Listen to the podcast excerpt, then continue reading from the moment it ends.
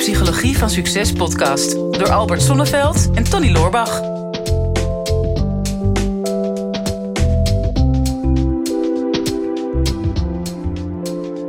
Hoe is het met de energie, Albert? Ja, die is ehm, wisselend. Ja? Merk ik. Ja, ja, ja, ja. ja ik, heb, ehm, nou ja, ik, ik merk wel gewoon als ik zo in mijn eigen gedoetje ben thuis, dan ben ik altijd helemaal in mijn element. Ik kom hier heel graag op het kantoor en in de studio. Maar die reis er naartoe, mensen om me heen, bevalt me niet altijd even goed, merk ik. Kost je energie Ja, kost me energie, ja. Ja, in de trein. ja. En Ja. wat doe je daaraan dan? Of laat je het gewoon een beetje over je, over je heen komen? Ja, nou ja, soms accepteer ik het. Maar ik, ik merk dat ik het soms toch wel lastig vind om, eh, om, om dat af te schermen. En, eh, en echt helemaal bij mezelf te zijn als ik in gezelschap ben. Oh ja, en dan kom je hier binnen en dan is alles weer opgelost. Dan is het Is, weer mooi. alles, alles weer, weer helemaal eh, zoals het zou moeten zijn. Nou nee hoor, want ik merk wel dat ik... ehm, ja, ik ben zo outgoing. Ik, ik, ik vind het altijd zo fijn om contact te maken en te verbinden. En, eh, maar daarmee verlies ik mezelf soms ook nog wel eens. Oh ja, interessant. Ik, ik ben anders dan jij, denk ik, daarin. Maar laten we het daarover gaan hebben. Want we hebben een vraag. Hoe komt het ook anders? Ja. Van eh, Maarten. Hij zegt, eh, hoe kun je jezelf en jouw energie beschermen voor invloeden van buitenaf? Zeker als je net als ik iemand bent die in de kinderjaren de overtuiging heeft ontwikkeld dat je pas aan jezelf mag denken wanneer andere mensen tevreden zijn. Ja. Ja, het is een beetje een duo-vraag. Want je Ja. kan het ook gewoon zien als hoe voorkom je dat andere mensen jouw energie beïnvloeden? Ja, ja. Nou ja, ik, ik krijg die vraag wel vaker. Hè, want eh, jouw energie, nou dat is natuurlijk al een beetje een vage vraag voor veel mensen. Hè, want ja, je kunt het helemaal op spiritueel niveau gaan beantwoorden. Of meer op, eh, op de, in de vorm van vitaliteit. Hè, want sommige mensen word je moe. En hoe komt dat nou precies? In eh, hulpverlenersland wordt er heel vaak wel gezegd van ja, je, je, je moet heel erg bij jezelf blijven. En eh, ik heb dat dan ooit aangeleerd als empathische betrokkenheid. Oh ja, ja. maar, maar ja, aan de ene kant eh, eh, ja, ben je verbonden en tegelijkertijd wil je ook wel afstand kunnen nemen. Dus hoe doe je dat nou precies? Mhm. En ik merk bij mezelf wel dat, dat ik energie kwijtraak op het moment dat ik me onder iemand ga stellen. Dus dat ik bijvoorbeeld heel erg tegen iemand opkijk. Dus van, oh wauw. En dan, dan ga ik ontzettend mijn best doen om een beetje te levelen. Mhm. Of ik ga boven iemand staan. Mhm. en dan, dan merk ik vaak dat ik de energie van iemand anders overpak. Ja. En om te voorkomen dat ik nou energie overneem van anderen. En want misschien ken je, kennen mensen dat wel hoor. Dat je een ruimte binnenstapt, je voelt je helemaal prima. En binnen een kwartier heb je hoofdpijn. En denk, huh, waar komt het nou weer vandaan? Ehm, ja, dan is de manier, heb ik ervaren, toch wel om je in ieder geval gelijkwaardig op te stellen ten opzichte van die ander. Ehm, je niet boven de ander te plaatsen, maar zeker ook niet onder. En mijn ervaring is wel uit mijn eigen leven, maar ik zie dat ook wel bij cliënten, dat nogal wat mensen de neiging hebben om tegen iemand op te kijken. En als je dan in gezelschap bent, dan zou het zomaar kunnen zijn dat er iets gebeurt met die energie. Ja, die, die vind ik wel interessant. Want ik ben ook wel benieuwd hoe je dat dan in het gesprek zou omdraaien. Ja. Ehm, ik, ik merk dat, dus, ja, het is heel raar om te zeggen, maar ik merk dat vaak omdat ik natuurlijk ehm, ja, iemand ben die het podium pakt. Hè, dus ik geef seminars en podcasten en dat soort dingen. Dus ik merk dan soms bijvoorbeeld op borrels, op of events, als mensen naar mij toe komen, dat zij dan tegen mij opkijken. Ja. En ik ga daar persoonlijk heel slecht op. Ik probeer altijd uit die gesprekken te komen. Of ik probeer er een hoop zelfsport in te gooien. Want ik wil het eigenlijk gewoon over onzin hebben. Ja. Want dat vind ik leuk en daar krijg ik energie van. Ehm, en ik dacht altijd dat het kwam van nou als het inhoudelijk wordt, dan krijg ik daar niet energie van. Soms ook wel een beetje waar. Maar het is met name door, door dit stuk. Hè. We hadden het laatst nog hier met een borrel op kantoor. Waar gewoon eh, wat mensen waren die echt een beetje eh, aan het idoliseren waren. Ik denk, ja, ik moet echt uit dit gesprek zien te komen. Ja. Maar mijn oplossing is dan gewoon om het gesprek te verlaten. Ja. Maar kun je het ook fixen in het gesprek? Ja. Want ik heb het idee, hoeveel te meer je gaat zeggen van ja, eh, je hoeft niet zo complimenteus te zijn, des te erger het wordt. Nou, het is wel heel moeilijk bij jou ook, Tony. Want ja, er zijn natuurlijk zulke superlatieven. Als ik, ja, als ik jou tegenkom, denk ik, ja, alles is geweldig. hè. oh, maar dat is niet zo. Dat is niet zo. Oh, Oké, oké, oké. Nee, nou ja, er zit natuurlijk een vraag onder verscholen van hoe doe je dat? Ehm, nou, mijn ervaring is dat de mensen nogal snel de neiging hebben om te kijken naar de verschillen. Wat heb jij wel ten opzichte wat ik niet heb? Ehm, maar de meest boeiende is dat je kijkt van wat hebben wij gemeenschappelijk. Dat is eigenlijk heel grappig. Ik heb ooit een keer zo'n klein experimentje gedaan. had ik eh, drie muntjes, eh, zeg maar drie euromuntjes. Ja, kop en munt. En je legt die drie allebei, eh, of alle drie, keurig op een rij. Eén munt en de, rest en de andere twee kop. En dan vraag je aan mensen, wat zie je nu? En daar zijn de antwoorden heel verschillend. En de ene zegt, ja, ik zie drie muntjes. Die ziet dus vooral de overeenkomst. Ik zie drie munten, drie zijn drie dezelfde munten. En de andere is, nee, ik zie twee munten kop en één eh, eh, munt. Dus ehm, het wonderlijke is dat mens, sommige mensen meer geneigd zijn om de verschillen te zien... en anderen juist meer de overeenkomsten. Als ik naar jou kijk, en ik ken je al een tijdje... hebben wij natuurlijk heel veel overeenkomsten. En sowieso de liefde om het podium te pakken is al een overeenkomst... Uh, nou, wij houden allebei van psychologie, we houden van analyse. Uh, nou, we, hebben, we houden van ondernemerschap. Moet, moet ik nog meer dingen opnoemen? Nou ja, ik vond het wel leuk. Kijk hoe goed je maakt. Houden van Maar- woordgrappen. Ja, ja, we houden van woordgrappen sowieso. En hè, we houden van marketing. Uh, nou, van, nou, er zijn heel veel dingen die wij gemeenschappelijk hebben. We vinden het super interessant hoe het, hoe het lichaam werkt. En, en de gezondheid vinden we ook een heel belangrijk punt. Nou, ehm, dat zijn de overeenkomsten. En hoe meer dat ik me richt op de overeenkomsten, hoe, hoe makkelijker dat ik level met jou. Hè, als we kijken naar leeftijdsverschil bijvoorbeeld, en ik zou daar heel erg in blijven hangen, ehm, ja, dan, dan zou ik me op een gegeven moment ongemakkelijk kunnen gaan voelen. En tegelijkertijd, het is ook weer grappig, eh, ik voel me jonger als ik bij jou ben. Ja, maar dat is niet zo. Het leeftijdsverschil is gigantisch. We, we hebben het toch al gehad over de angst voor afwijzing in een andere podcast. Nee, ja. Ik zal er in ieder geval niet in blijven hangen als ik jou was. Zo lang heb je niet meer. Zo lekker, zo lekker dit. Tony, laten we het alsjeblieft hebben over de overeenkomsten. Ja, dat is. Ja, dus, en dan zul je al merken wanneer dat het gebeurt, dan, dan verloopt het gesprek makkelijker en is ook eh, de angst om energie te verliezen, eh, of dat überhaupt die energie verliest. Want je hoeft je best niet meer te doen als je de gelijk, gelijkwaardigheid ziet of de overeenkomsten ziet. Ja. Nou, ik, ik vind dat al wel nuttig voor in het gesprek. Ik heb daar nooit zo over nagedacht dat het, hè, dat onderscheid van hè, kijk je tegen iemand op of plaats je je juist boven iemand. Ehm, dus dat, dat vind ik al wel een nuttige. Hè, ik, ik heb wel vaak gekeken naar als het over dit soort vraagstellingen gaat van hè, hoe voorkom je dat iemand anders jouw energie neemt.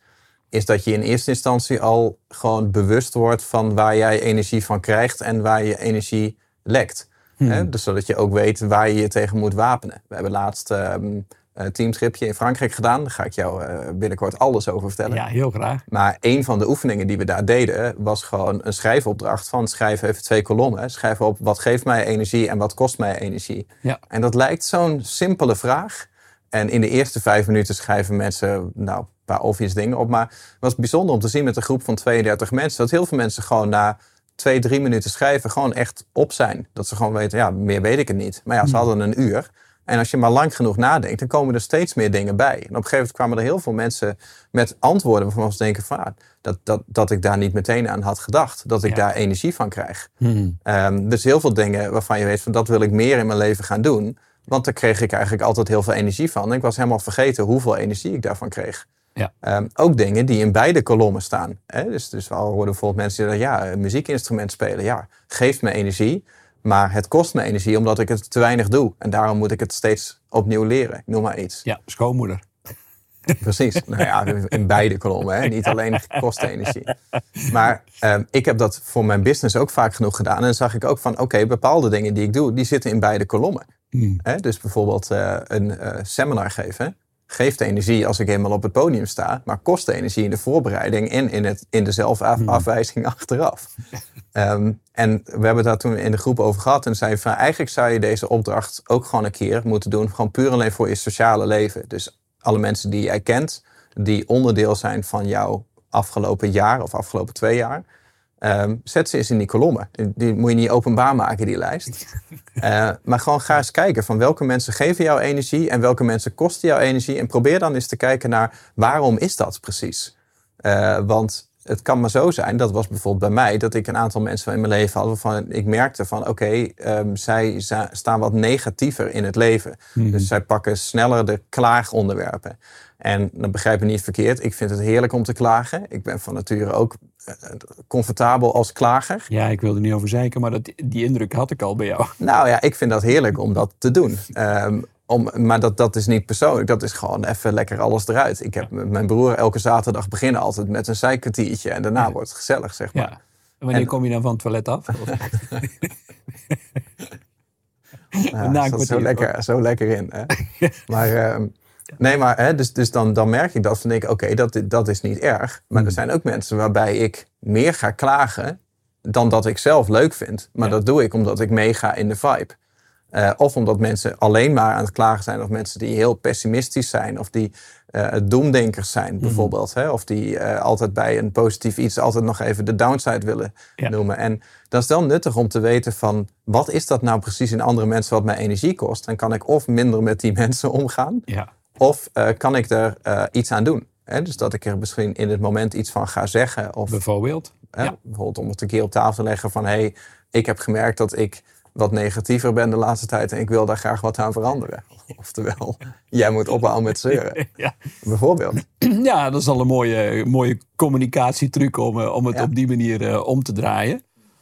Nou ja, um, als het gaat over je eigen energie behouden, je energie niet verliezen, zijn er natuurlijk allerlei technieken voor. Um, nou, ik, ik heb ook allerlei spirituele eh, opleidingen gehad. En nou, een van de manieren was dan ja, om, om je voor te stellen dat je energetisch een, uh, rozen om je heen zet of bergkristallen of, of allerlei dat soort dingen. Ik moet je zeggen, ik ging daar nooit zo goed op, want bij mij werkte ze niet zo goed. Uh, of een cirkel van licht. En mijn toppunt was om jezelf in een kosmisch ei te plaatsen. ja, um, nou ja, met alle respect voor die, voor die oefeningen. Voor sommige mensen die heel goed kunnen visualiseren, zou dat misschien kunnen werken.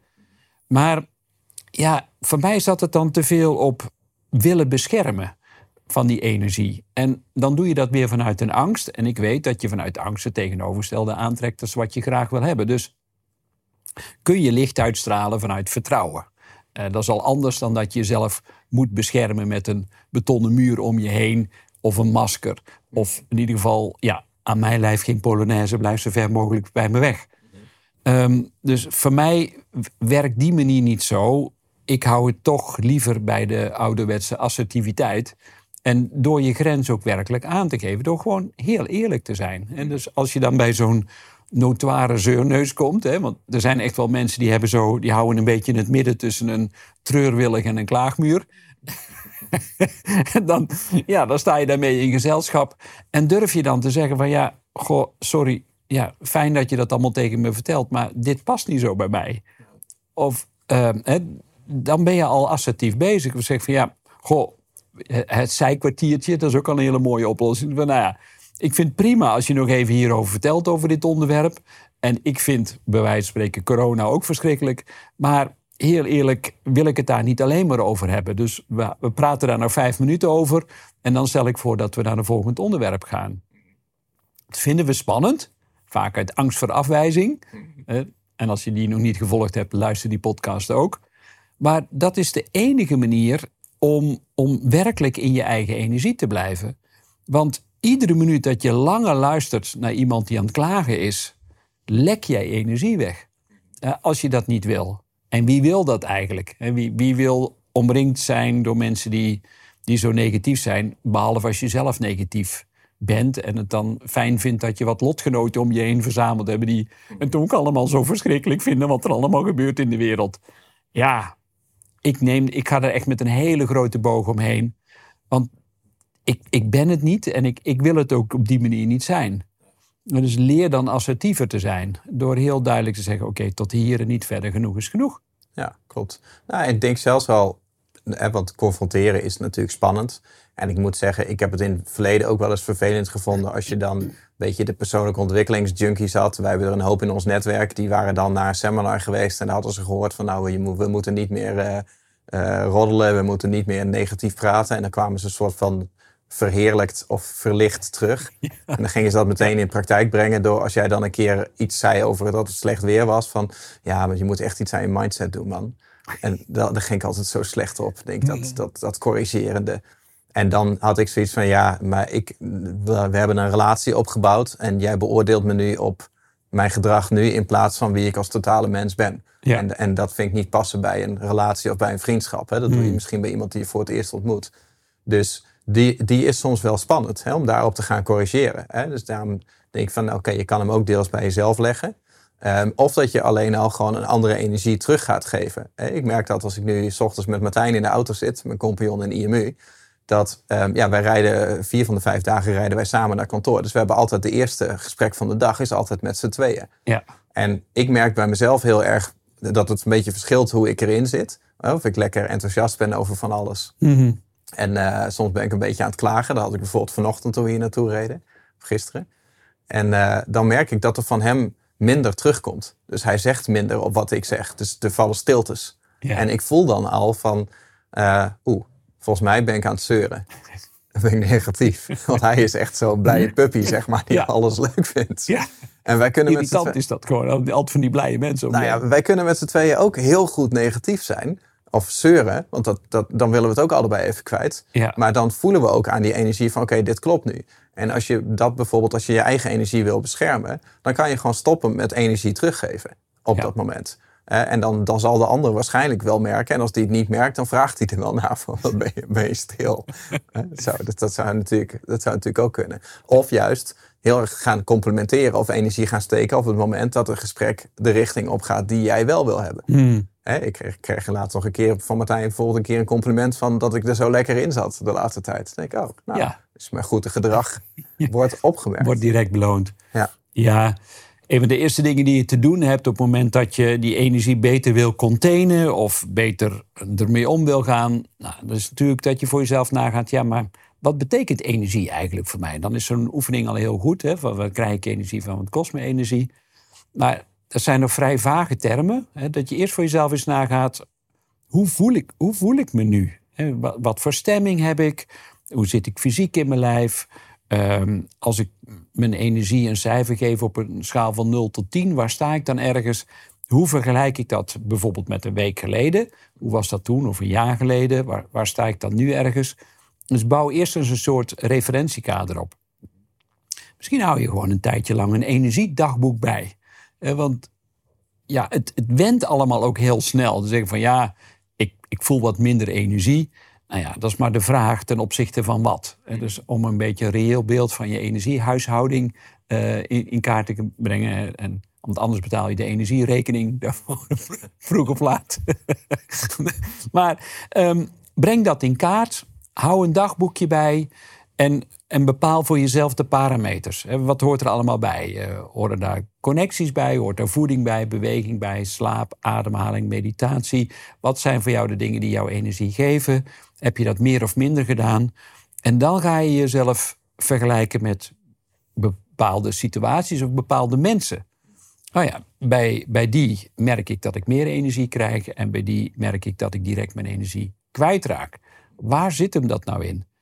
En nu komt de grote waarschuwing: leg dat nooit, herhaling, leg dat nooit bij een ander neer. Want ja, die is altijd zo negatief. Want op het moment dat je dat uitspreekt, ben je ook negatief over die ander. En dus je zult altijd weer terug moeten naar jezelf. Oké, maar wat maakt nu dat ik nog met die persoon in contact wil zijn? Wat, wat wil ik daar nou van leren? En misschien leer je van een negatief, tussen aanhalingstekens, persoon dat dat niet meer de way to go is voor jou. Dat jij niet, dat deze fase van je leven gepasseerd is. Dat dat een doodlopende straat is. Waarom zou je dan nog met die persoon omgaan? Wat heb je daar nog voor nodig? Want als jij nog met negatieve mensen blijft omgaan, die jouw energie kosten, is er nog een belang. En daar zul je ontzettend eerlijk over moeten zijn. Ja, je houdt die relatie om een of andere reden nog in stand. Misschien omdat je bang bent om alleen te zijn. Misschien is er nog een bepaalde vorm van afhankelijkheid. Dan zeg je ja, maar dat is mijn familie. En het wordt binnenkort kerst. En dan zit ik weer aan, aan tafel. Gaan we dan gaan we weer. Ja, dat is maar de vraag. Um, of heb je de stevigheid inmiddels om te zeggen: ja, weet je, dit doen we nu twintig jaar. Altijd weer diezelfde kerststress. Ik wil hem niet meer. En kun je me waarderen of blijf je van me houden op het moment dat ik niet meer aan die kersttafel zit? Ik, ik vind het leuker om op een ander moment af te spreken. Bijvoorbeeld uh, op nieuwjaarsdag een borrel te komen drinken. Maar gewoon op een tijd die mij past. Ja. Nou, die eerlijkheid die wordt op dit moment gevraagd. Ik merk dat ehm, in ieder geval in mijn eigen leven, maar ook in mijn directe omgeving, dat, dat alles als je maar een beetje gecompenseerd gedrag hebt gehad, van oh ja, ik kom er wel mee weg en ik schuif het wel onder de tafelkleed, dat je nu, hoe dan ook, veel eerlijker moet zijn van wat jij werkelijk wil en wat je nodig hebt. En dat betekent ook op het moment dat je dat niet doet, dat je veel eerder dan gebruikelijk merkt dat je energie aan het kwijtraken bent. Dus ik vind het een hele actuele vraag. Ja. Zeker in de tijd van corona, waarin je immuunsysteem erg afhankelijk is van jouw energie. Dus, dus ga je mee in, in, in, in de angst van anderen, of blijf je heel erg trouw aan jezelf en durf je dat ook te communiceren en durf je dat ook te laten zien in gedrag? Ja. Ja, ik denk heel actueel, heel belangrijk. Weet je, en wij hebben het nu 20 minuten alleen maar over eigenlijk alleen maar het aspect van in contact met andere mensen. Hmm. Of als het gaat over negativiteit en over wat voor soort gesprekken waar je op leeg loopt. Maar zijn natuurlijk, energie heeft natuurlijk met alles in jouw leven te maken. Met hoe je opstaat um, en uh, hoe je met je voeding, met je sport, met je liefdesleven, met stress, met werk, met passies. Al, al, alles is energie. En dat, dat vond ik het nuttige ook van het in kaart brengen daarvan. We hadden een tijdje geleden Jack Little natuurlijk uh, in de podcast en die had het over The Perfect Night. Hmm. En ik ben toen, de dag daarna ben ik gaan schrijven voor mezelf The Perfect Day. Dat ik dacht van, um, als ik achteraf na een dag terugkijk en ik heb het gevoel van dit vandaag was een goede dag. Ik heb hmm. meer energie gekregen vandaag of ik ben vooruitgekomen. Wat moet er dan in die dag hebben gezeten? Ja.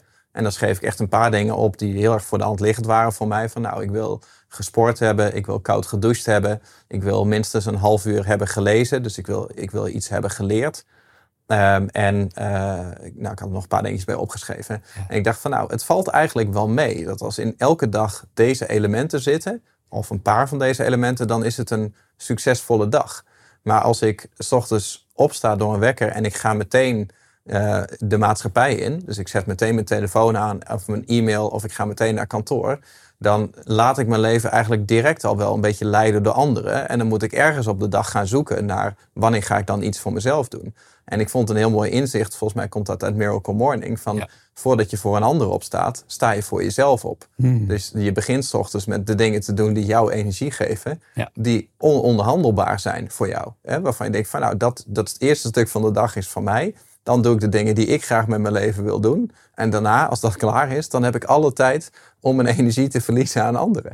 En daar kan je denk ik steeds beter in worden om, om dat voor jezelf uh, te bepalen. En ook in gesprekken, maar ook in hoe je in je werk omgaat. Dat mensen de neiging hebben om dingen op jouw bordje te leggen op een andere manier dan dat jij het zou willen. Dat zijn allemaal dingen waar je een nuance in aan kan brengen om je eigen energie te gaan beschermen. Ja, nou perfect. Een hele mooie afronding. Mhm. Wil jij nou ook je energie behouden en uh, vind je het heel belangrijk dat je goed bij jezelf blijft? Daar hoort persoonlijke ontwikkeling bij. Dat is ook onze passie en die delen we onder andere op onze platform brein.tv. Nou, voor een heel klein bedrag per maand kun jij ook alle informatie die erop staat, inclusief alle uh, informatie die we ook krijgen met de interviews, de extra uh, gasten die we hebben uitgenodigd, uh, die ook nog weer een uur van hun expertise met je delen, plus alle e-learnings die ik door mijn leven heen gemaakt heb, alle masterclasses. Er staat ontzettend veel informatie op. dat is de uitnodiging om daar eens te gaan kijken. En wij zien je graag weer de volgende keer. Dit is de Psychologie van Succes podcast door Albert Sonneveld en Tony Loorbach.